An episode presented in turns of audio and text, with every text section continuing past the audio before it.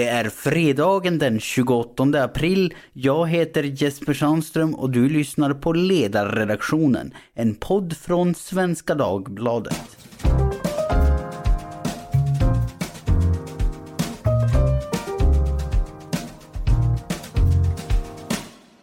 Ja, hej. Det är jag igen, vikarien. Den långsamtalande norrbottningen som ställd bredvid redaktör Eriksson lämnar en del att önska vad gäller speed, esprit och På spåret-aura. Men något lite allmänmänskligt bör ni väl få er till livs innan vi vadar ner i det dagspolitiska tänkte jag. Och då kommer jag att tänka på, med anledning av en grej Andreas sa i förra veckans podd, en central del i att vi sitter här idag och kan se och höra varann och att ni kort efter inspelningens slut eh, kan höra oss. Nämligen internet. De som känner mig, de vet att jag verkligen älskar internet. Det är något som gör, och som alltid har gjort mig närmast drogrusigt uppspelt över häftigheten i att nästan ögonblickligen till nästan ingen kostnad alls kunna kommunicera med nästan vem som helst, nästan var som helst i hela världen. Andra minns kanske hur de höll på att nästan gå sönder av förväntan på sin barndoms julaftnar. Men mitt starkaste sådana minne, det inträffade den morgon i mellanstadieåldern då vi fick bredband. Det var då jag simmade ut i det digitala träsket på allvar och sen dess har mitt liv aldrig varit detsamma. Där ute bland ettorna och nollorna så har jag funnit mitt livs stora kärlek, flera av mina absolut närmaste vänner och kollegor. Jag har fått hundratals gråzons illegala konsertinspelningar med Ramones av en halvanonym slovenier och på vidare villovägar därifrån inbjudits att spela punk på en tributekonsert för nämnda band i New York. Vi kom dit och kvällen urartade i slagsmål och polisingripande och vi fick aldrig spela men det var så att säga något av en upplevelse ändå. Och jag lyckades, eh, utan att ens gå utanför dörren till att börja med, organisera en halvlyckad kampanj för att bli språkrör i Miljöpartiet. Förutan vilken jag aldrig hade haft det här jobbet, som redaktör Livendal påminde i morse. Men var vill jag komma med det här då? Jo, jag tror att en viktig komponent i att vara lycklig här i livet är förmågan att förundras och komma ihåg hur häftigt och kittlande sånt som i sinnet kan råka anta vardaglighetens lite beige färg egentligen är. Så jag vill bara påminna om hur förunderligt internet faktiskt är och hur det möjliggör sånt som för alla föregående generationer hade framstått som svartkonst och magi. Visst har det andra sidor också, störande pushnotiser och jobbmail som pockar på när man helst hade sluppit, men sånt går ju faktiskt att stänga av. Och det har, utöver att vara en förunderlig och världsomvälvande uppfinning i sig, också haft en avgörande betydelse för den här podden. För att från början så var så gott som alla gäster tvungna att fysiskt infinna sig i våran studio på Kungsholmen i Stockholm. Men idag har vi gäster som ibland nästan bokstavligen sitter på andra sidan jordklotet, ibland i betydligt mer spartanska miljöer än den typiska studion. Bland annat har det här gett upphov till vad som kanske kan vara den vackraste fras som har sagts i denna podd. När Andreas med lätt och kanske oavsiktlig Nile City-klang förklarade för lyssnarna att ja, om ni tycker att Jojje låter lite konstigt så beror det på att han sitter i en japansk garderob. Det gjorde han faktiskt och, det har ju sina sidor det med. Ljudet blir ofta sämre. Men vi kan ha en väsentligt större bredd gäster och just det här frågade Andreas om i förra veckans podd. Ska vi prioritera bättre ljud och snävare urval av gäster i studio eller tvärtom? Eh, nu har inte jag hållit superbra koll på redaktionsmailen men jag tycker mig ändå se en klar majoritet för att prioritera fler gäster framför bra ljud. Och jag får säga att det gläder mig, även om jag själv eh, vidare på Nile City-temat är något av en farbror Barbro. Jag älskar verkligen bra ljud och jag gör i producentrollen mitt allra yttersta för att ljudet ska bli så bra som de inte alltid optimala omständigheterna någonsin tillåter. Men jag älskar ännu mer det faktum att vi med kort varsel kan kalla in en trevlig och kompetent Kinakännare som får stuva in sig i en japansk garderob när det behövs. Eh, Joje var Joje Olsson alltså och podden var mycket lyssningsvärd ljudet till trots. Och jag hoppas, kära lyssnare, att vi kan finna samsyn eller samhörsel borde man kanske säga i det här. Jag lovar att göra mitt allra yttersta om ni lovar att ha tålamod, men förstås också ryta ifrån om jag någon gång helt brister i mitt ämbete. Want flexibility? Take yoga. Want flexibility with your health insurance? Check out United Healthcare Insurance Plans. Underwritten by Golden Rule Insurance Company, they offer flexible, budget friendly medical, dental, and vision coverage that may be right for you. More at uh1.com. Men det var det om det och nu ska vi tala allvar med tre styck ledarskribenter som förhoppningsvis högst bokstavligt talat alltså har kommit ut ur sina respektive garderober. Dessa tre är Tove Livendal, Paulina Neuding och Peter Wendblad. Goddag kära vänner! God eftermiddag! Goddag, goddag! Goddag, goddag! Eh, Peter, jag börjar eh, med dig för, för det är mest synd om dig. Men innan vi förklarar varför så kan jag låtsas upprätthålla ett normalitetens skimmer eh, och fråga, hur mår du? Jo, jag mår ganska bra, tycker jag. Jaha, det är ju förvånande får man nästan säga. För att du har ju alltså blivit utsatt för en väldigt publik hatattack. I musikform dessutom. Kan du berätta vad som har hänt? Ja, vad ska jag säga, en, en publik och geografiskt mycket begränsad hatattack. Eh, ja, för att dra en lång historia kort så är det en gotländsk poporkester som har skrivit en nidlåt eh, om mig. Eh, därför att jag har haft, haft vissa eh, synpunkter på deras eh, eh, göranden och havanden tidigare. Mm -hmm. Vad va, va heter låten? Eh, ja, hette kanske jag ska säga nu, för att den, den har faktiskt dragits tillbaka från, från Spotify nu, men den hette Nej, men... Fl Flintis frisyr och översitteri. Oj. Eh, och det var då meningen som någon slags förolämpning. Jag tyckte mer att det var en ganska oh. rätt, rättvisande beskrivning av både mitt utseende och eh, beteende i stort. Men du som är så trevlig och vän Peter. Ja, det, det, är skönt att se att du mår bra trots den attack. Och synd att den har dragits tillbaka. Då lyckas jag kanske inte klippa in. Jag tänkte visa för lyssnarna. Men men. Det, är skönt det var oerhört kallvänlig måste jag säga till låtens försvar. Om man ska hitta något positivt. Alltså nu, nu måste jag lite elakt säga Paulina att din musikkänsla är... Personligen tyckte jag att det var en av de sämre låtar jag, jag någonsin har hört. Eh, du, Peter, du som är stor musikkännare, vad, vad tyckte du om den rent musikaliska kvaliteten? Eh, alltså, vill man vara snäll så doftade det ju lite av vad säger, tid, tidiga peaches. Eh, men eh, den lämnar en hel del att önska, både framförallt textmässigt. Alltså det är meningen att om man skriver en nidlåt så ska, man liksom, ska den ju träffa en öm punkt hos den som besjungs. Men jag, jag kände mig tämligen oberörd. Jo, den, den slog nog mest mot bepansrade punkter kändes det som. Ja, ah, ja, enligt, men... enligt, enligt ryktet har det här också eh, i den här poporkestern som heter I'm on TV eh, orsakat vissa inre slitningar därför att halva bandet var inte medveten om att låten skulle släppas och hade vissa synpunkter på att när den sen gjorde det. Halva bandet säger du, är det inte ett band som består av två personer? Nej, det är faktiskt fyra, men det är, är, är två som är frontfigurer. Jaha, okej. Okay. Ah, ja. no, no, det, det om det. Det är skönt att se att du har klarat dig helskinnad i alla fall genom detta. Vi går vidare till Tove Livendal. Hur mår du? Tack, alldeles utmärkt. Mm. Det är ju fredag. Eh, hur, ja, ja, det räcker inte alltid höll jag på att säga. Eh, hur hade du känt inför att få en sån här hatlåt tillägnad dig? Jag är ju grön av avundsjuka här. Det, är, det, här är ju det ultimata exemplet, eller beviset på att Peter verkligen har slagit igenom.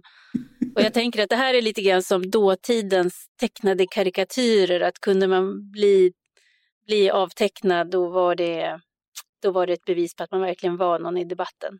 Så att det, här är, det här är beviset och Peter har slagit oss alla. För, för mig är ju det här bara det näst största, att jag fick en hel sida i, i Ulf Lundells senaste dagbok Vardagar, det, det smäller fortfarande högre. Ja, jag tänkte faktiskt exakt de banorna. Först så kände jag ganska stor avundsjuka och sen tänkte jag på den där Lundell-incidenten att det är ändå störst att bli riktigt nedgjord av någon sån. Eller om man hade fått en hatlåt av någon pro mer profilerad, typ Mikael Wiehe eller något. Det, det hade känts stort. Ja, och man får också ge Ulf Lundell att han har en något större talang för att vara elak på ett slagkraftigt sätt. Ja, ja det, det får man säga. Den svenska slappheten. Jo, jag tackar jag. Eh, ja, eh, Paulina, hur står det till med dig? Det står bra till, tack. Det gläder mig att höra. V var står du i hatlåtsfrågan? Är du avundsjuk på Peter eller tycker du det är skönt att slippa? Eh, jag, faktiskt, nu när du sa det så har jag ett minne av att Aftonbladet Kultur gjorde en karikatyr av mig. Jag tror att det var Aftonbladet Kultur som gjorde en karikatyr av mig, eller om det var, ja, det var någon, någon vänstertidning. Nu, nu befinner jag mig uppe på den mentala vinden och skrotar och försöker minnas. Men det var ingen smickrande bild. Att... Men, men hur känns, alltså vad, vad är handlingen i sig ändå? För den här låten var ju också allt annat än smickrande, men man kan ju ändå bli smickrad av... Jag minns inte, det var någon, någon, någon bild och någon pratbubbla där jag sa någonting dumt. Sådär.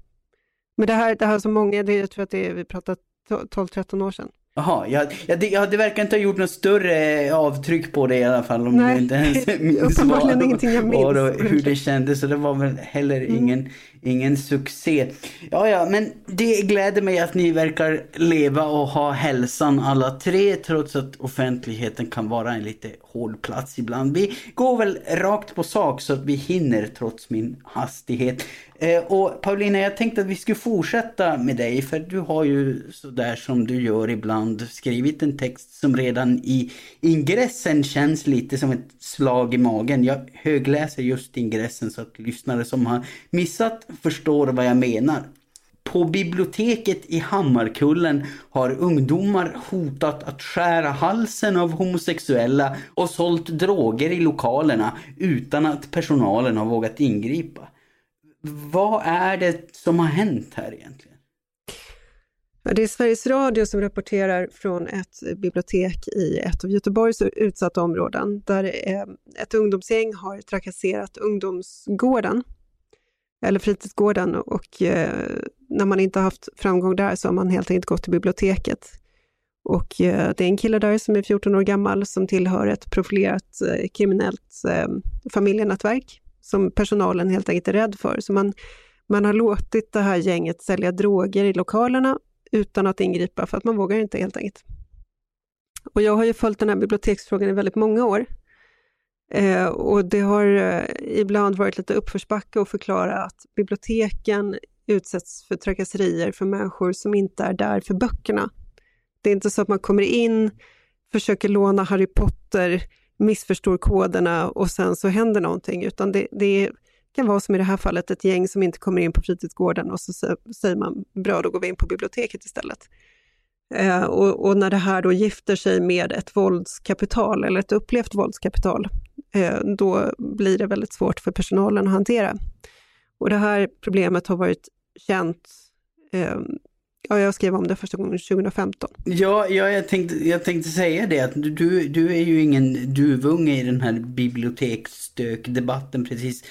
Även om nu stök känns som ett svagt ord när det handlar om regelrätta mordhot. Men ja, som du sa, du började uppmärksamma det som kom att kallas biblioteksstök redan 2015. Och på den tiden så var det väldigt många man brukar ju prata om hur har vi hamnat där vi har hamnat. Det var väldigt många som sa att du hade fel och som därtill anklagade dig för att ha allehanda tvivelaktiga och inte sällan rasistiska motiv. Och när det nu har gått så långt att biblioteksockupanter hotar att skära halsen av homosexuella då kan man väl kanske gissa att pendeln svänger och att många av dem som eh, en gång i tiden sa att du hade fel nu börjar tillstå att du har rätt och, och, kanske inte vill låtsas om vad de tyckte förr i tiden. Så jag tänkte att vi tillsammans kunde köra en liten lätt obehaglig hitparad över märkliga saker som har sagts i biblioteksdebatten.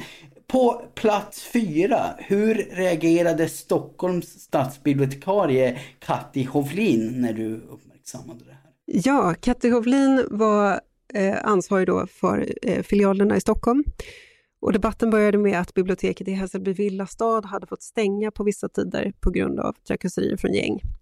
Och Katti Hovlin valde då, som förvånansvärt många andra, att ta parti för de stökande ungdomarna. Hon, hon skrev att, Ehm, att man måste gå en mil i någon annans skor innan man kan uttala sig om stök på biblioteket och skrev en eh, överhuvudtaget mycket överslätande text om detta, att eh, ehm, att vi, vi övriga, vi, vi skulle inte hålla oss för, för fina för att förstå vad det, hur, hur de har det som kommer och hotar och trakasserar, eh, trakasserar och förstör på bibliotek. Hon tänkte att du hade haft större förståelse för det om du bara hade haft större förståelse för deras livssituation, eller vad?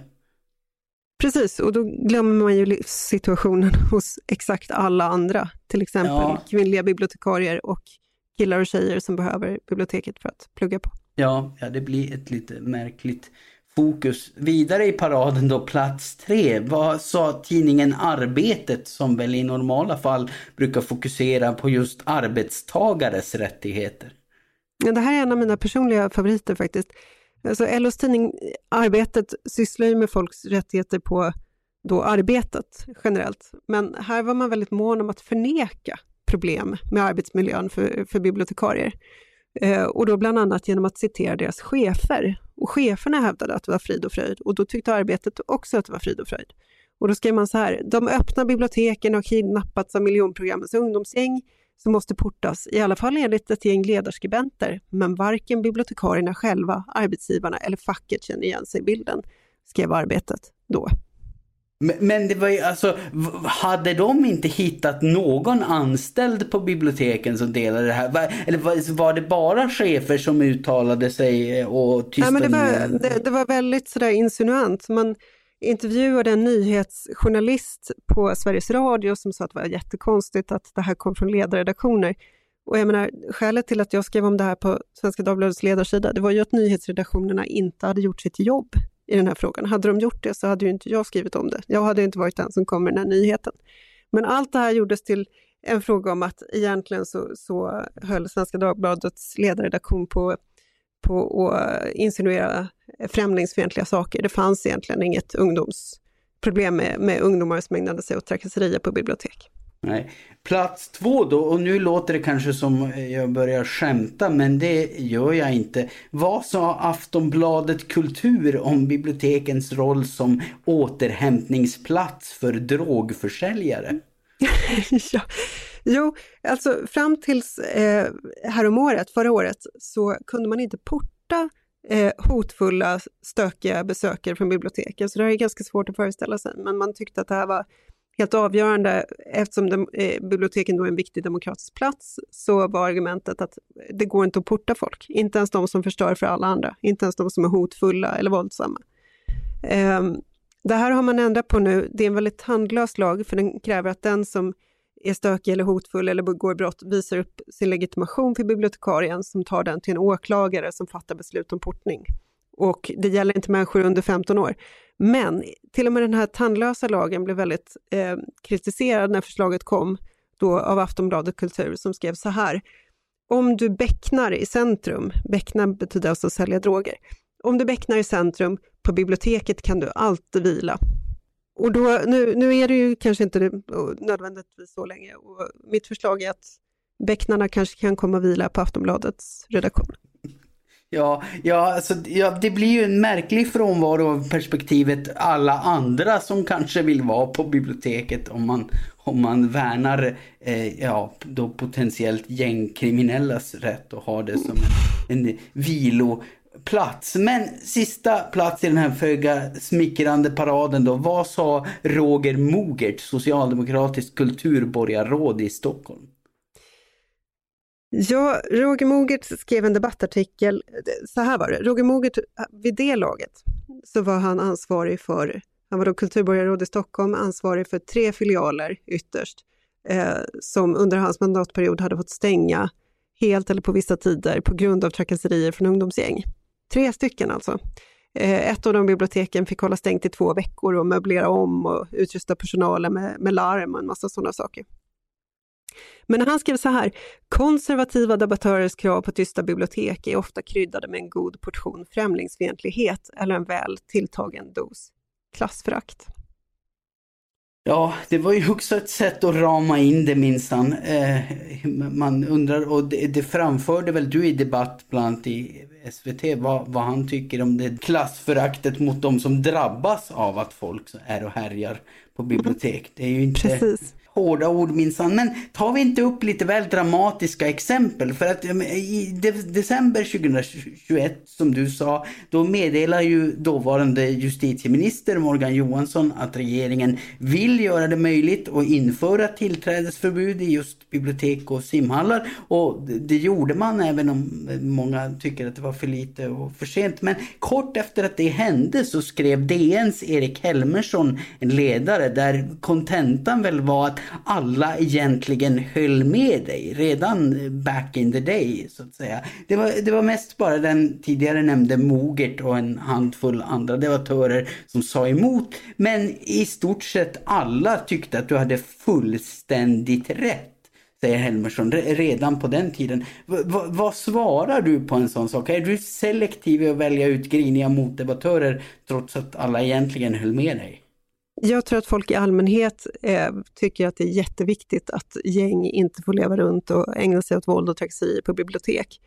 Eh, det tror jag är helt riktigt. Däremot så var det väldigt svårt att, att framföra den uppfattningen i offentligheten utan att bli anklagad för främlingsfientlighet och klassförakt och diverse annat. Det är ju det som är så speciellt med den här dysfunktionella debatten.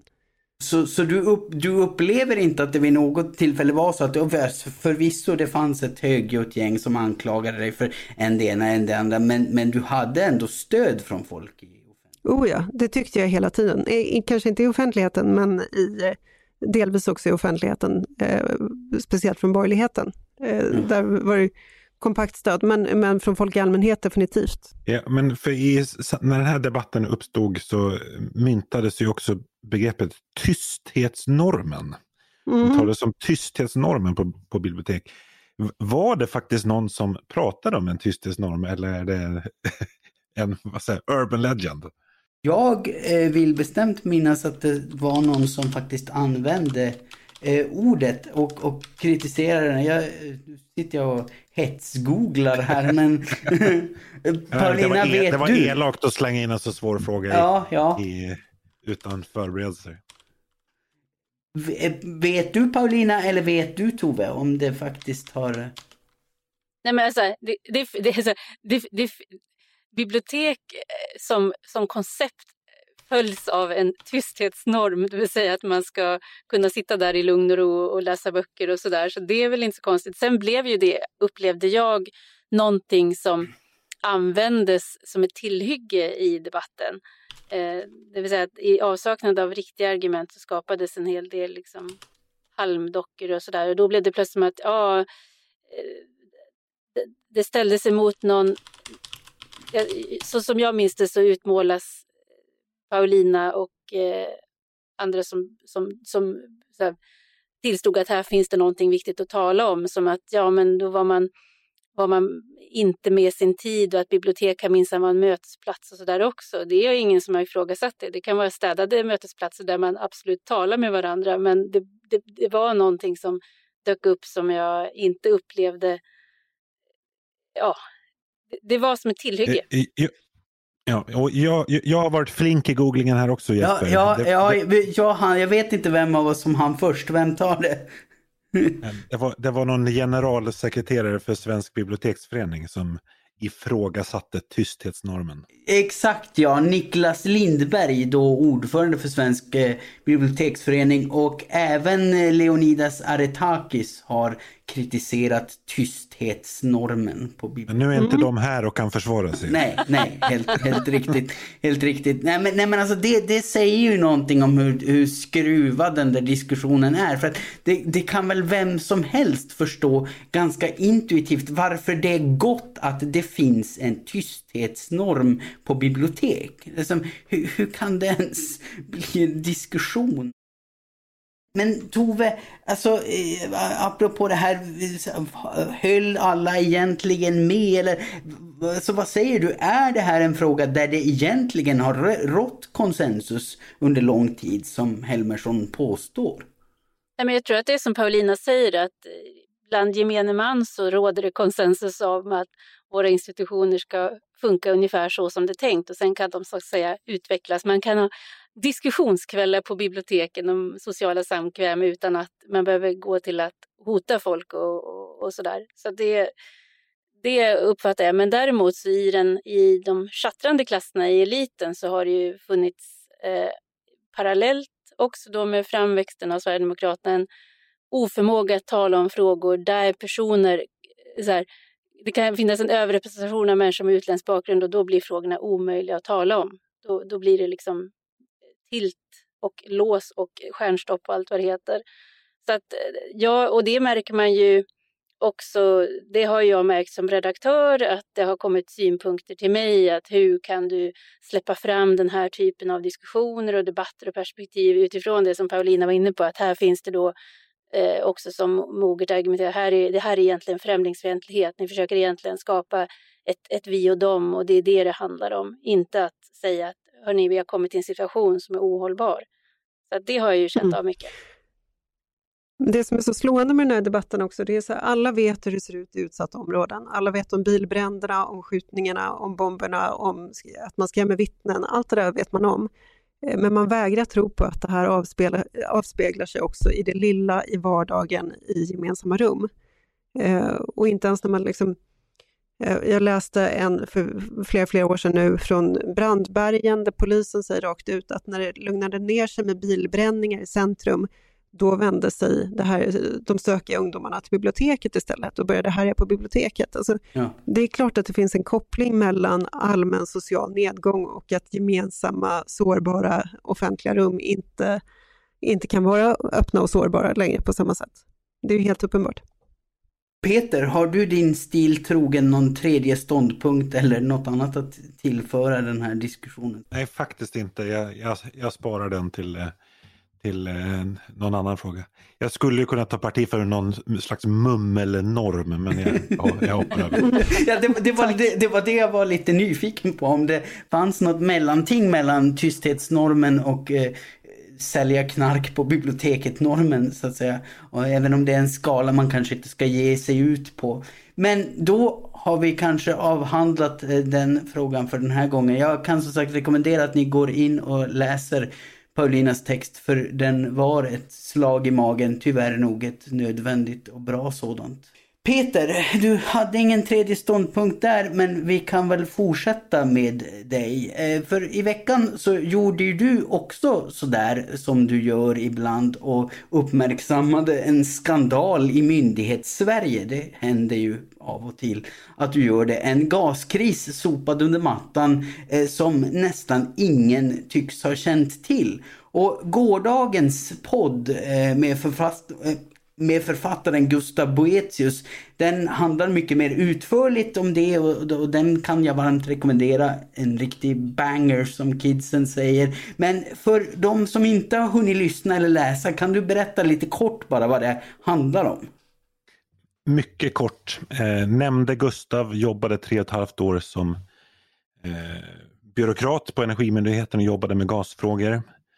Eh, och konstaterade att Sveriges naturgasberoende är mycket större än de flesta anar. Det är många industrier som behöver naturgas eller i Västsverige. Att vår beredskap för bortfall av gas är urusel och, och att eh, det skulle drabba samhällsviktiga verksamheter men att Energimyndigheten då har underlåtit både att agera på det här eh, och att eh, göra politiken, liksom regering och riksdag, vad ska jag säga, vidareförmedla den informationen om vad gasen faktiskt används till, till den politiska ledningen. Ja, Eh, och eh, vi, vi ska inte simma så långt i pipelinen just nu och fördjupa oss i själva sakfrågan. Där så kan Hugade vända sig just till gårdagens podd och det kan jag varmt rekommendera. Men eh, om vi zoomar ut till ett mediekritiskt och journalistiskt perspektiv för att utöver din artikel och podd om saken så är det så vitt jag kan hitta med våra arkivsökverktyg eh, som jag använde för att leta om tysthetsnormen nyss också. Eh, det, det, är inga andra medier som har uppmärksammat den här saken och det är väl lite anmärkningsvärt, eller? Ja, Affärsvärlden har faktiskt eh, skrivit om det också, men i övrigt är det ingen. Och det här är lite apropå det som, som eh, Paulina var inne på tidigare, att eh, ibland får liksom vi ledarskribenter göra eh, nyhetsjournalisternas jobb när de inte riktigt fattar. Men i det här fallet så förstår jag verkligen inte. Alltså jag, jag tror mig ha vad ska jag säga, en nyhetsnäsa och liksom vet vad som utgör en nyhet. Och en liksom person som har haft en central position på en myndighet säger upp sig i protest efter tre och ett halvt år, eh, går hem och skriver en ursinnig bok, det vill säga han är en visselblåsare. Alltså, det, det innehåller i stort sett alla komponenter som eh, borde få en nyhetsjournalist eh, att, och en nyhetsredaktion att vakna till liv. Men det, men det är på något, alltså jag vill verkligen inte bli så mediekritiskt haveristisk, för jag har liksom i grunden väldigt stor respekt för alla typer av journalistiskt arbete. Men, eh, men det är som att om någonting omskrivs på en ledarsida så är det som besmittat. Då, då klarar inte nyhetsredaktionen av att liksom se den faktiska substansen i en, i en nyhetshändelse och lämnar den då eh, därhän. Sen får vi se, jag pratade faktiskt med Gustav idag och frågade honom särskilt, så är det andra medier som har hört av sig? Eh, och det var P1 hade hört av sig och ville ha honom i någon slags debatt med någon representant för eh, Energimyndigheten. Eh, men, men där, så här, de hade inte läst boken och hade typ knappt läst, alltså de, det är liksom väldigt slappt. Men, men, men är det så, kan, kan det vara, för, för jag, jag tänkte fråga dig, att liksom, vad, vad beror det på att det blir så? Då? Men kan det, kan det bero på att det, när en ledarsida har tagit i det, då har det liksom förvandlats till en åsiktsfråga? Jag tänker när Peter ringer och vill ha debatt om saken, snarare än att göra Alltså, ja, men, ja, men alltså, jo, jag tror att det ligger mycket i det. Och, så jag kan förstå det på ett sätt. Alltså, framförallt, jag har ju vid några tillfällen vad säger, grävt fram egna nyheter som liksom vi har publicerat på, på ledarsidan. Där liksom jag har gjort jobbet. Eh, och då kan jag förstå att man som nyhetsjournalist inte riktigt vet hur man ska förhålla sig till det. Kan vi liksom lita på att det här är, eh, är eh, det journalistiska jobbet är ordentligt gjort och att det finns källor och att det är uppgifterna är kontrollerade etc. etc. Men i det här fallet med den här, alltså jag, min artikel var egentligen bara en, en eh, ja, det var en blandning av intervju och liksom vidare förmedling av, av de uppgifter som han skriver om i boken och då tycker jag att det blir väldigt märkligt att det blir så. Men jag märker ju även i, liksom när jag har gjort mina egna avslöjanden inom citationstecken att eh, nyhetsredaktionerna, inklusive vår egen på Svenska Dagbladet, har lite svårt att förhålla sig till det. Vi har ju ett jättebra exempel på det här från vår ledarsida tidigare och det är ju eh, Per Gumensson som var nyhetsledande i Sverige under många år om den svenska jihadismen. Mm. Eh, baserat på att han satt eh, på sin kammare kvällar och helger och gjorde research, eh, djupgående research om det här eh, under en tid när nyhetsredaktioner helt enkelt inte var intresserade av det här och fick göra det själv och har till och med nyligen blivit kallad som vittne i en av våra få, tyvärr, eh, jihad-rättegångar eh, där det blev en fällande dom. Precis, hans blogg var en viktig källa va, till mm, att en av de här domarna blev av. Och ja. inte minst på eh, SVDs ledarsida då. Mm. Mm. Men, men Tove, då, alltså, har du några andra teorier om vad, vad det här kan bero på? Liksom, varför reagerar övriga journalister så här? Det är svårt att sitta och spekulera i. Dels är det ju så att det finns ju hela tiden så mycket som kommer in till liksom, redaktionerna, både på nyhetssidan och på ledarredaktionen. Jag har ingen inblick på i hur det ser ut i, i, i tipskorgen hos nyheter, men jag gissar att det är så. Det är också mitt intryck jag får att de har väldigt många olika spår att springa på. Eh, så att det, det, jag kan inte svara för den nyhetsvärderingen. Där, där bör vi i så fall bjuda in kollegorna på nyheter som får resonera kring det. Men, men däremot så har jag väl jag tror att det är så att vi är ju också väldigt noga på svenskarna att vi ska skilja mellan news och views och att det liksom, vi, inte, vi ska liksom inte jobba ihop på det sättet som man kanske gör på andra tidningar. Eh, men men, men så här, det faktum att, att ingen nyhetsredaktion, oavsett om det skulle vara här eller någon annan, har, har tittat på det här som ändå får sägas är liksom en riktigt stor nyhet. Det implicerar ju det som Peter tar upp som en hypotes att eh, har det varit på ledarsidan så blir det svårt att förhålla sig till det. Men då kan man göra sitt eget jobb. Och sen tror jag också att det finns, det vet vi ju, det finns ju en prestige mellan redaktionerna att man vill vara först om någonting. Och är man inte först om någonting så, så blir det ju liksom, det kan bli en prestigeförlust om man är tvåa på bollen. Eh, det kan väl också spela roll. Paulina, tror du att liknande grejer hände när, när du gav dig in i biblioteksstöksdebatten? Alltså att det, att det blev svårare för andra som annars skulle ha uppmärksammat det, att uppmärksamma det för att du hade varit först? Det fanns säkert en sån aspekt, men det blev ju väldigt stort uppmärksammat ska jag säga. Men eh, det var det var fortfarande när den här utanförskapsfrågan var så fruktansvärt känslig i svensk offentlighet. Så att det, det avspeglar sig på biblioteksfrågan. Ja, men och, jag har också en liten hypotes. Alltså för den här mediernas eller nyhetsredaktionernas svårigheter att, att ta upp utanförskapsfrågor. Det handlade ju mycket om att man var rädd för att gynna Sverigedemokraterna. Men, men den rädslan skulle jag säga var egentligen uttryck för en generell rädsla hos nyhetsjournalister att gynna någon politisk riktning.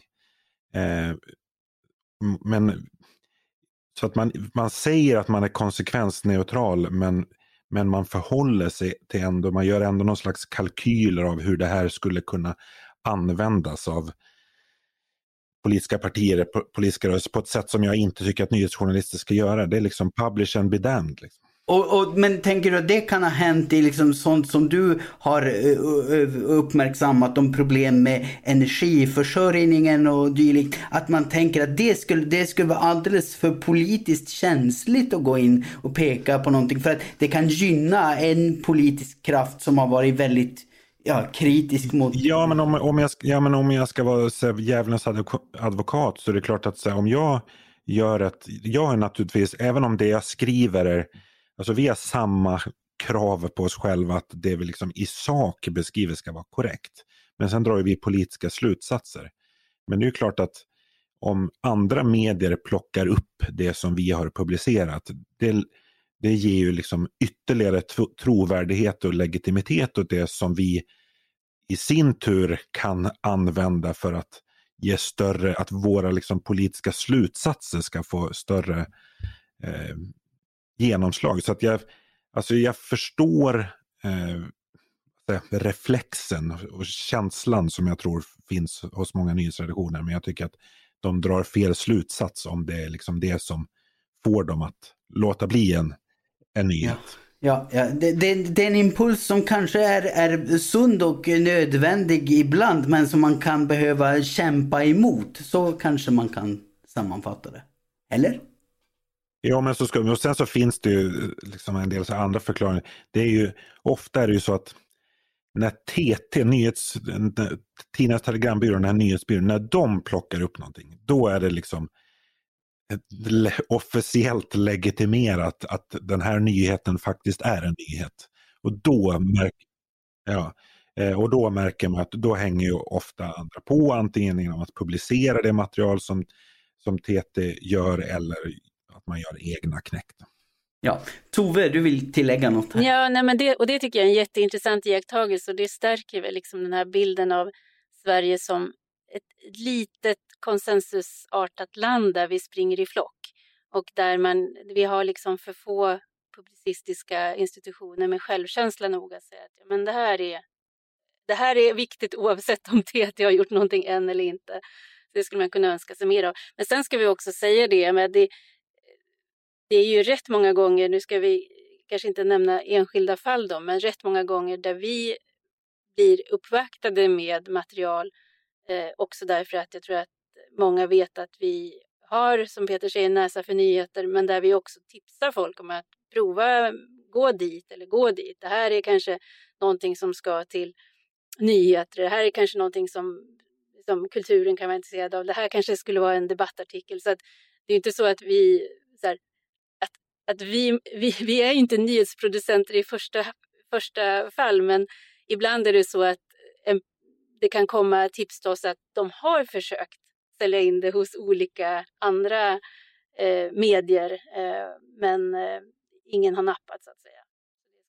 Ja, jag, jag, vet, jag vet att du sa att du vill inte ta upp några specifika fall och, och då kanske det är svårt. Men om du kan ge någon, någon liksom allmän beskrivning. Vil, vilken typ av uppvaktning kan det vara som någon kommer med och så säger du att Nej, men det, här, det här lämpar sig nog bättre för nyhetsredaktionen? Det kan ju ofta handla om där man känner att här behövs det ordentlig eh, utredningskapacitet som vi inte har. Vi är för få helt enkelt.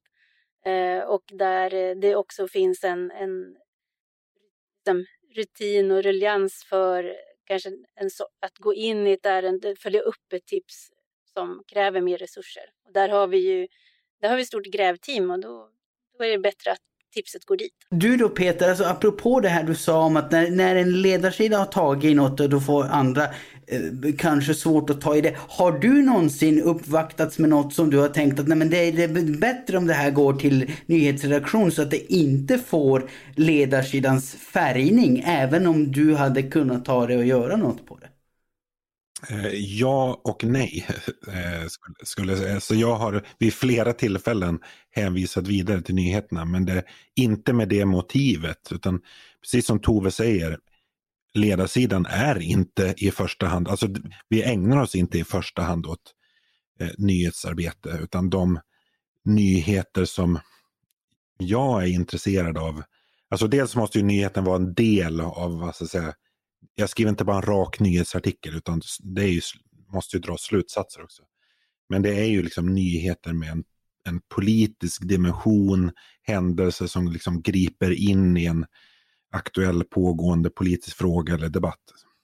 Så jag gör ju ett sånt urval också. Ja, men det var väl ändå en ganska god och uttömmande förklaring av den här frågan tycker jag. Och vi går väl vidare lite på samma tema fast nu som egen programpunkt. För att man får väl passa på när chefen är på plats Tove och köra ett av mina genuina favoritmoment. Hur funkar en ledarredaktion? Eh, en mig närstående socialdemokrat tyckte en gång att vi gott kunde byta namn på segmentet till det lite festligare Hur gör högerdjur? Men det har jag inte vågat föreslå skarpt. Eh, men eh, jo, till saken. Så här frågade redaktör Eriksson på Twitter i tisdags. Vem eller vilka vill ni höra i en diskussion om konsulter som dubblerar som skribenter på opinionsplats? Raskt så svarade då Daniel Svedin, politisk redaktör på tidningen Arbetet, att vore roligt att höra Tove Livendal apropå att ni har så många skribenter från PA och PR-världen. Och då lovade Andreas, trots att han inte skulle vara här och så att säga exekvera det löftet att vi skulle ta det i våran interna podd på fredag. Så nu faller det på hans något rostigare kollega. Men Svedin har väl en poäng här. Alltså vi har ju rätt många gästskribenter från PR-världen och diskussionen kring det här blåste upp efter att Erik Rosén, kulturredaktör på Aftonbladet, hade kritiserat att tre olika kultursidor, vår egen tidnings Expressens och Göteborgs-Postens allihopa anlitar skribenter som också jobbar åt PR-byrån 500. Och specifikt då så kritiserar han att byråns grundare Love Bonnier har skrivit om AI på Expressens kultur. Delägaren Kasper Törnblom har gjort detsamma på Svenskans kultursida och medarbetaren Laura Ingemarsson likaså på GPs kultursida samtidigt som byrån har kunder som jobbar med AI. Och det här är ett problem menar då Erik Rosén eftersom citat Varken jag eller andra läsare kan vara trygga i att ämnesvalet inte har något att göra med 500 Stockholms relationer till eller uppdrag från byråkunder. Och du då Tove som också anlitar en annan byråperson, hur skulle du bemöta sån oro? Ja, det finns ju två här, nyckelord här och det ena är transparens och det andra är omdöme. Och eh, det ena är ju liksom, eller båda, båda är en slags läsarlöfte i relationen mellan tidningen och eh, läsarna. Och vi har ju, precis som du nämnde, så har vi några externa medarbetare som jobbar som kommunikationsrådgivare. Eh, och eh, det, det hade inte, så här, det finns ett antal frågor som kan uppkomma och de illustrerades i Erik Roséns artikel. Det vill säga, vad kan man veta om, eh, inte bara, det ena är ju då argumentens styrka i en artikel, de är ju öppna att bedöma. Och sen är ju då frågan, finns det några dolda motiv här som man vill känna till? Och eh, där är det ju i, tycker jag, jätteviktigt i allas intresse att man har de motiven så tydligt redovisade som möjligt. Och det, i, i, i, eget, för att bli konkret, då, så innebär det att är det en person som är en, en utomordentlig skribent och som eh, vi vill publicera på sidan så är det en given, det är en hederssak att den personen inte skriver om någonting som den personen också har ett uppdrag, ett betalt uppdrag av, av någon annan för att utföra. Och det, det som ligger i, i, i vågskålen där, eller som är uppe liksom som pant, det är dels eh, naturligtvis vår publikations förtroende och anseende. Det är också den enskilda personens varumärke och trovärdighet. Det är också ett kapital därför att det handlar ju om människor som har ett, ett, ett en form av offentligt kapital. Och eh, därför så, där kommer den här frågan om omdöme in. Att eh, jag som redaktör skulle aldrig anlita en person som jag inte är säker på klarar av att hålla den den liksom, det är en fråga om integritet och en fråga om omdöme.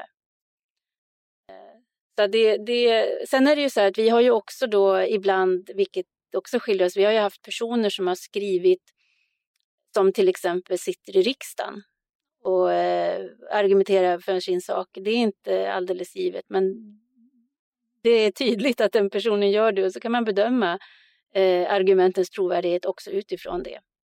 Om vi tar ett konkret exempel då, Fredrik Johansson som skriver för oss då och då och så till vardags jobbar på kommunikationsbyrån Halvarsson och Halvarsson. Om, om han tycker något om något kontroversiellt, typ att han är för euron eller, eller ja som de här anklagade kulturskribenterna för den delen har en viss inställning i AI-frågan och så kommer det en arg eller orolig läsare och säger att ja men hur vet du att han inte bara skriver det här för att det skulle gynna någon av hans kunder? Om någon kommer är liksom arg och svarar du då precis där att nej men jag har förtroende för Fredrik som person och att han vet att göra den avvägningen? Ja, sen, sen är det ju så att eh, de skribenter som skriver hos oss alltså, och, och, och återkommer regelbundet, de har vi ju god kännedom om. Och skulle det plötsligt vara så att Fredrik Johansson började argumentera på ett sätt som jag inte känner igen, men han har ändå varit i den offentliga debatten i, i några decennier, eh, så skulle det ju finnas anledning att ställa en del frågor. Eh, men det är inte så att här, han, han har ju själv ett personligt varumärke eh, som utgår från kända ståndpunkter. Eh, så att jag, det, det ligger i, i allas intresse att den, den rollen inte missbrukas. Du kommer kanske ställas inför det här när du märker att jag har påverkats av handskrivningslobbyn och börjat närma mig Paulina. Men det får vi ta vid ett annat tillfälle. Peter, du har ju också rört dig i byråsvängen. Har du någon förståelse för Erik Roséns oro kring det här? Eh, ja, jag tycker liksom att precis som Tove säger, att det, det är jätteviktigt med liksom transparens här och vad säger, en tydlig deal med, med skribenten, Att man förväntar sig att, ja, men att det, det är självklart så här, de ska inte skriva om frågor som de har uppdrag kring. Eh, de kan inte liksom byrån kan inte marknadsföra att, att eh, en medarbetare också är eh, skribent hos oss. Sen så finns det ju lite miss, tycker jag, just när det gäller politiska uppfattningar eller att vi har PA-konsulter som skriver hos oss. Det här har jag skrivit om på sidan, alltså det finns mycket missförstånd om hur lobbying fungerar i Sverige. Eh, vi har, det är väldigt sällsynt att PA-konsulter företräder kunder, alltså så som det funkar i USA, utan man är just rådgivare för att kunden ska kunna företräda sig själv. Så att man, man är inte, vad säger, man skriver inte artiklar på, på kundens uppdrag och undertecknar med, eh, med eget namn. Men även hur man, hur man jobbar, alltså på en PA-byrå Ehm, om man har en, ett föret, jobbar med ett företag som har en politisk uppfattning i, i en fråga. Eh, när man liksom ska forma ett team kring ett, en sån kund, då plockar man ju in människor som vad säger, rent personligt har likartad uppfattning, likartad grundinställning. Man tar ju inte in någon liksom, random människa och säger så här, nu ska du tycka, alltså man, man är ju den bästa rådgivaren när man har förståelse eh, och samsyn med, eh, med kunden. Ja, eh, jo precis. Alltså, hade jag nu haft någon något naturvetenskapligt kunnande, då hade jag väl en vacker dag kunnat vandra vidare härifrån till någon som pysslar med kärnkraft. Och då hade väl någon säkert kunnat eh, liksom viska elakt att ja, men där ser du, han ville bara liksom lobba för den industrin. Men alltså, jag menar, det, det, har ju inte att göra, det har ju att göra med att jag älskar kärnkraft och det slår väl igenom i, i det jag tycker också så att säga. Så det, det får man väl kanske... Det är lite eh, sjukt att du älskar ett kraftslag, Jesper. Ja, men, men det är inte så sjukt med tanke, på, med tanke på vad det kraftslaget ändå har inneburit för Sverige. Så, och, och med tanke på att jag just i poddens inledning erkände att jag älskar internet så har jag väl lite den läggningen. Men som norrbot, norrbottning tänker jag att du skulle älska vattenkraften, de här maffiga Ja, jo, jo, men, jo, jo, men och det gör jag också. Den är, den är också väldigt häftig. Men, men den är på något vis, den är ju mindre mystisk. Det är, det är, ingen, det är ingen som går omkring och har en massa irrationella rädslor för, för eh, vattenkraften. För den kan alla se, även fast en massa människor har dött i dammolyckor och sådär. Så det är ingen, eh, vattenkraften kräver ingen upprättelse. Tove, du ville lägga till någonting? Ja, och den här frågan om, eh, det är klart att eh, den här frågan om att ta in externa skribenter som gör någonting annat, det, den, den frågan kommer ju oftare till oss eftersom vi har en annat sätt att göra ledarsida än många andra. Vi har ju på ett år runt hundra röster som syns på ledarsidan. Och eh, det är ju vi som skriver fast. Vi har några krönikörer, vi har några kolumnister och vi har ett antal gästskribenter. Och där är ju just tanken att bakom det att försöka hitta texter som kan ge läsarna så liksom, ge, ge åsikter som är underbyggda från olika håll med liksom, olika perspektiv och argument. Och där har jag då bestämt mig för att inte diskvalificera personer som också jobbar som kommunikationsrådgivare. Och det gör att i veckan hade vi till exempel en text av Jonas Hellman eh, som inte har uppdrag för Irland att skriva om varför eh, Irland har lyckats så bra med sina investeringsstrategier i den globala ekonomin utan därför att han har ett intresse för landet och en gång för många år sedan skrev en bok om Irland så han har ju följt det landet. Vi har ett vykort i veckan från eh, Brasilien av en person som också råkar jobba som kommunikationsrådgivare men som framförallt är väldigt eh, resande och som förgyller tillvaron med, med inblickar från olika ställen i världen under den vignetten. Och jag tycker att det vore, det vore synd att säga att bara för att du har valt att jobba med det här så kan du inte skriva, du kan inte synas i offentligheten. Så det, men, men sen är det då vårt jobb som redaktion och mitt jobb som redaktör att se till att, att transparensen finns med vad de håller på med och bedöma texternas kvalitet.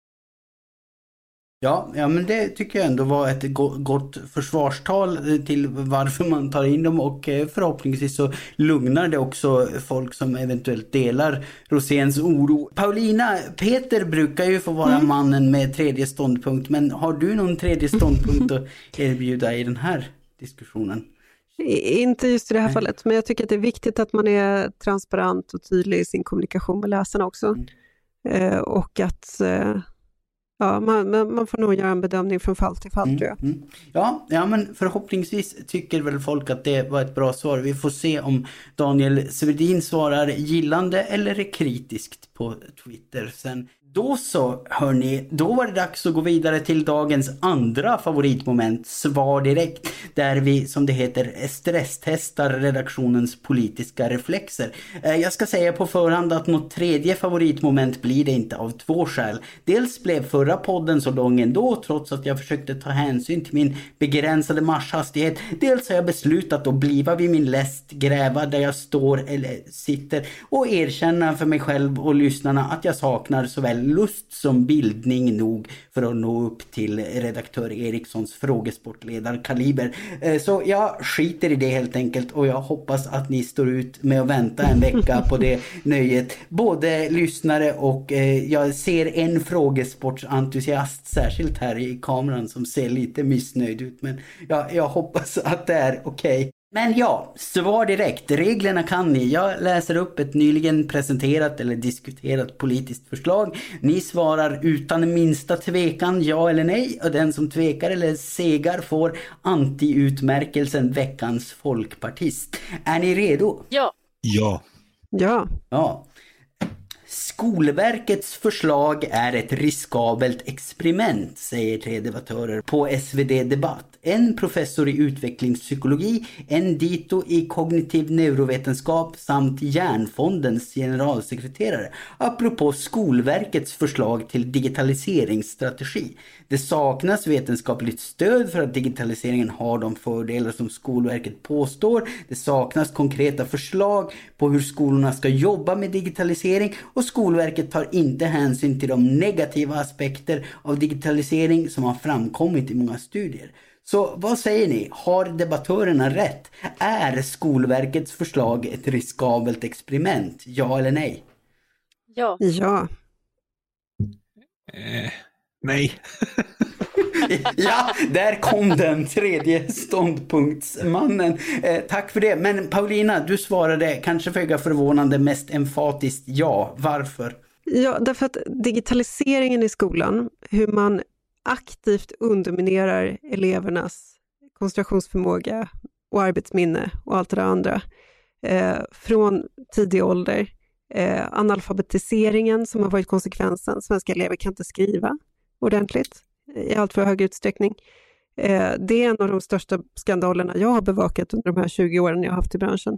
Eh, och, och, det får man också tänka på det här du sa, veckans folkpartist. Alltså Folkpartiet håller ju faktiskt på och kliver fram i den här frågan på ett sätt som, som jag tycker är väldigt hoppingivande. Så vi kanske nästan måste byta namn på det där epitetet. Ja, så. de har ju bytt namn på sig själva så de behöver kanske inte associeras med Folkpartiet. eh, men eh, Peter, fram med din berömda tredje ståndpunkt. jag, jag, jag var bara motvalls.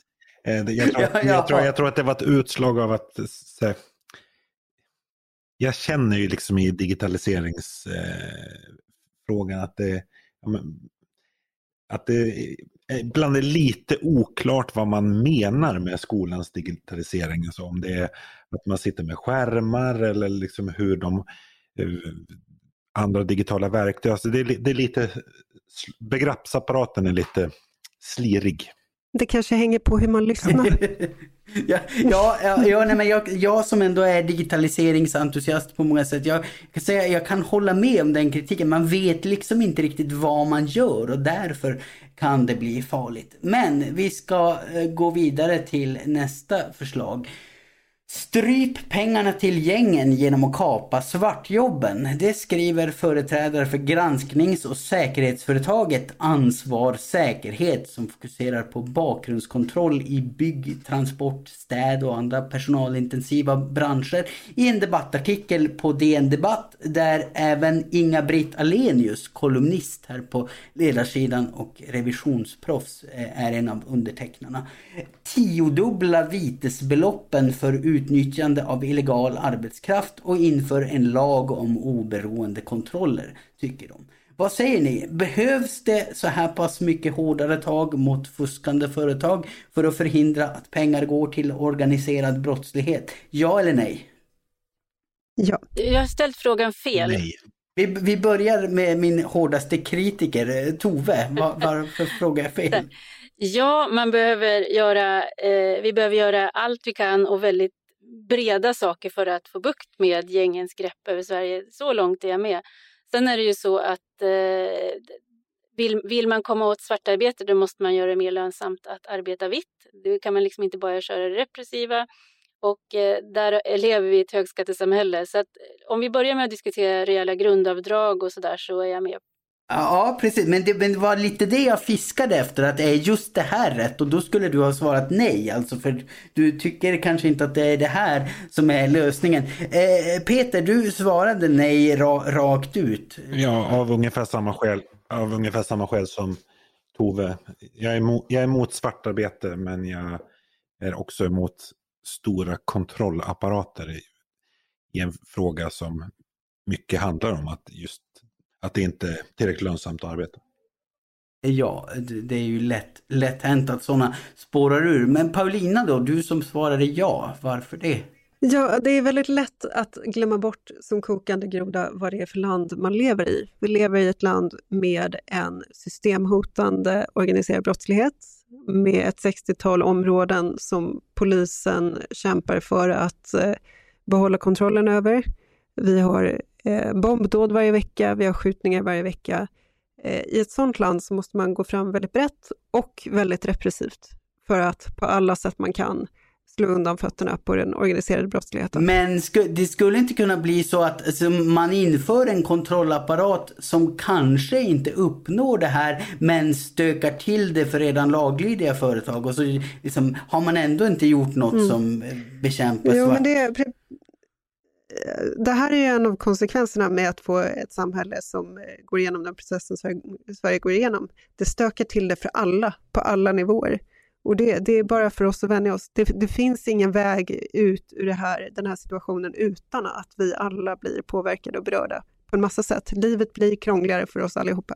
Äh, jag vill bara tillägga att menar, det, det, det är ju så att saker som har varit defekta i år, alltså, det kan ju bli blixtbelyst eller accentuerat när det kommer liksom ett, när det sätts i ett annat sammanhang. Men Sverige är ju ett land som historiskt är känt för att ha en hög del svartarbete just därför att vi har så höga skatter.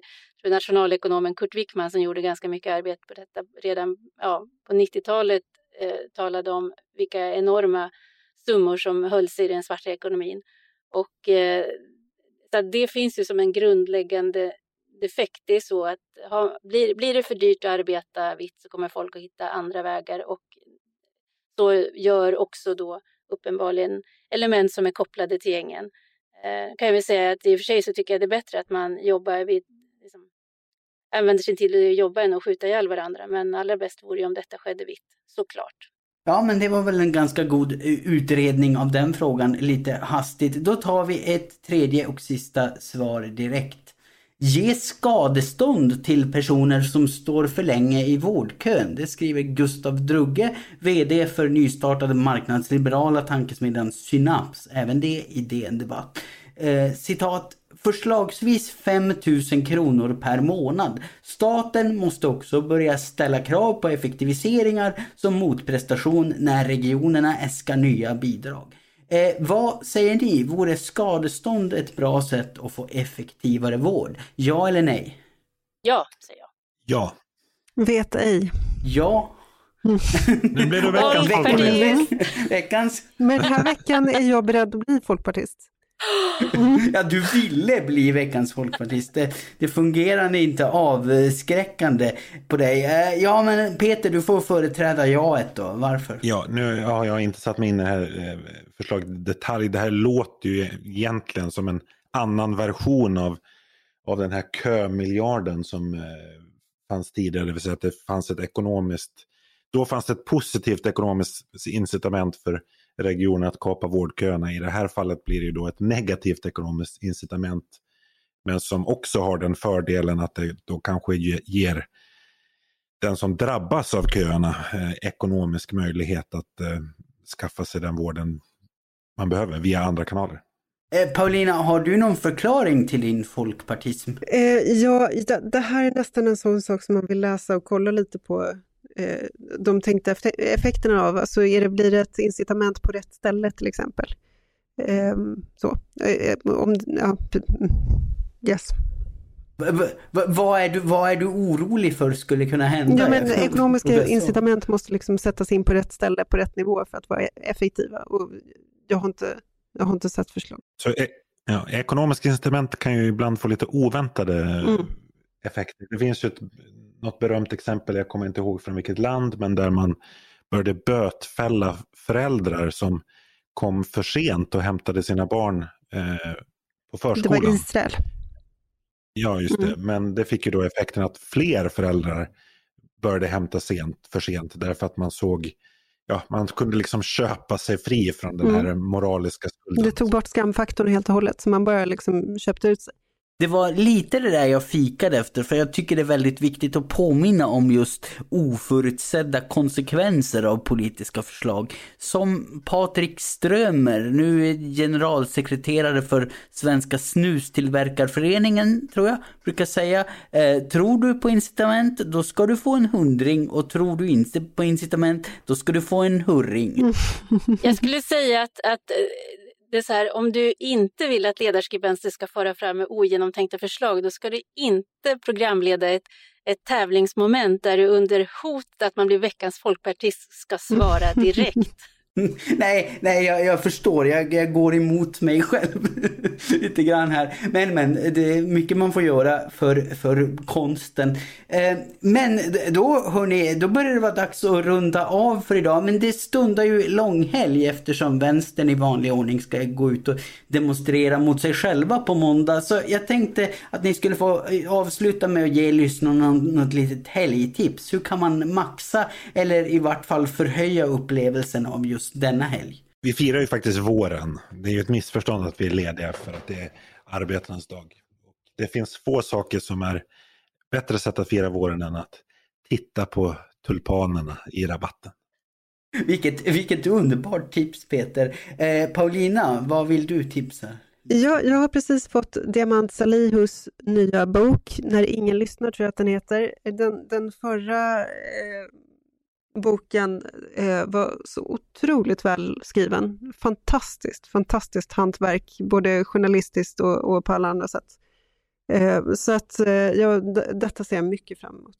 Mm, lästips till lyssnarna och Tove sist och slutligen. Ja, men jag är ju inne på den här linjen också, att använda en långhelg för att förkovra sig och vara ute i naturen och sen hoppas jag också på valborgsmässoafton få sjunga in våren och eh, avnjuta en, en sån här riktig vacker valborgsmässoeld. Ni får sjunga in våren ni bortskämda sörlänningar och vi ska ha snöblandat regn. Så att jag får väl återupprepa mitt tips från början av podden. Tänk på hur fantastiskt internet är och ge er ut på det. Ni, ni kan hitta någon slovenier med Ramones bootlegs eller något annat som kulturellt eller på annat stimulerande vis faller er i smaken. Men ha koll på skärmtiden. Ha, ha koll på skärmtiden ja. Jag måste säga att jag är besviken på internet. Eh, Jaså? Ja, ja, men eftersom, eftersom det inte finns filmat och upplagt på YouTube när du är med i ett slagsmål i New York. Nej, men nej, nej, alltså, nu får det inte bli fake news här. Jag deltog självfallet icke i slagsmålet utan, utan jag, för mig fick det bara den olyckliga konsekvensen att jag inte fick spela punk i New York. Men, eh, men ja, det är klart, det hade varit kul att, att ha det på film. Men hörni, nu är det dags att tacka för idag. Eh, tack så mycket för att ni var med, Tove, Peter och Paulina. Tack, tack för att du ville vikariera igen. Det var en fröjd som vanligt och tack alla ni som har lyssnat. Har ni synpunkter eller invändningar, ris eller ros så får ni gärna sända dessa med elektronisk post till ledarsidan svd.se. Producent för det här avsnittet, ja det är jag. Jag heter Jesper Sandström. Ni har lyssnat på Ledarredaktionen, en podd från Svenska Dagbladet. Jag hoppas att det var lika trevligt för er som det var för oss och jag hoppas att ni inte gråter allt för häftigt av saknad efter Andreas och jag hoppas förstås att vi hörs snart igen. Tack för den här gången.